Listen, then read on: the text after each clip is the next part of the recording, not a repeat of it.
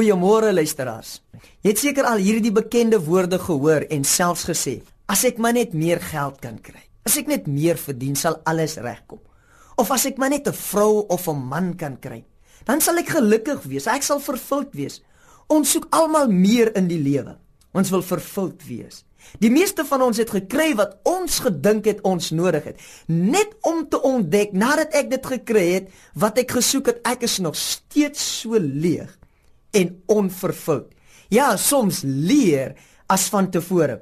Niks ekstern of fisies kan ons volkome of heel maak nie. Ons grootste behoefte is geestelik en dit is God se onvoorwaardelike liefde en aanvaarding.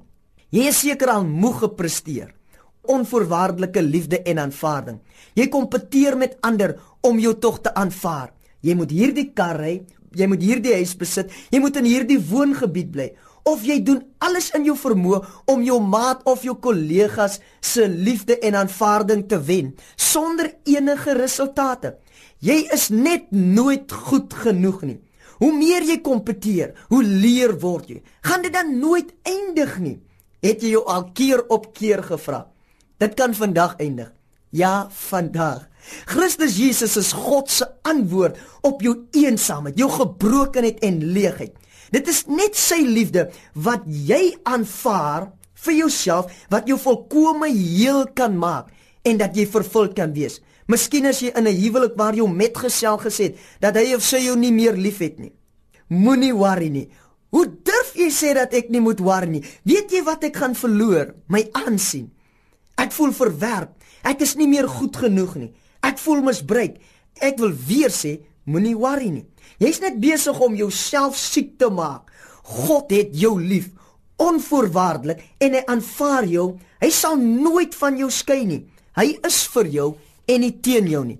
Jou partner wat sy liefde kan verander, kan nie opweeg teen God se onpylbare en ewige liefde vir jou nie.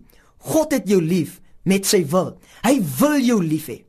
Nie dat jy gemaak het dat hy jou liefhet nie. Hy het kies om jou lief te hê. Hy het besluit, dis sy eie besluit. Hy gaan nie sy wil verander nie. Jou dade en gevoelens verander ja, maar sy liefde vir jou gaan nooit verander nie. Jy kan selfs nadat jy God se onvoorwaardelike liefde en aanvaarding vir jouself ontvang het, jou partner lief hê, soos wat God jou lief het en jou aanvaar.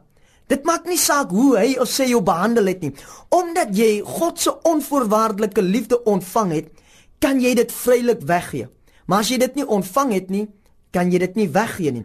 Ek sê gewoonlik wanneer ek huwelikspaartjies beraad, dat ware liefde fokus op jou partner en nie op jouself nie. As hy of sy ontrou is of iets doen wat nie reg is nie, kyk jy nie na wat hy of sy aan jou gedoen het nie, maar jy kyk na dit wat die ontrouheid aan jou partner en die betrokke persoon doen. Jy wil hê dat jou partner gered moet word uit sy ontrouheid, nie vir jou nie, maar vir homself en vir God.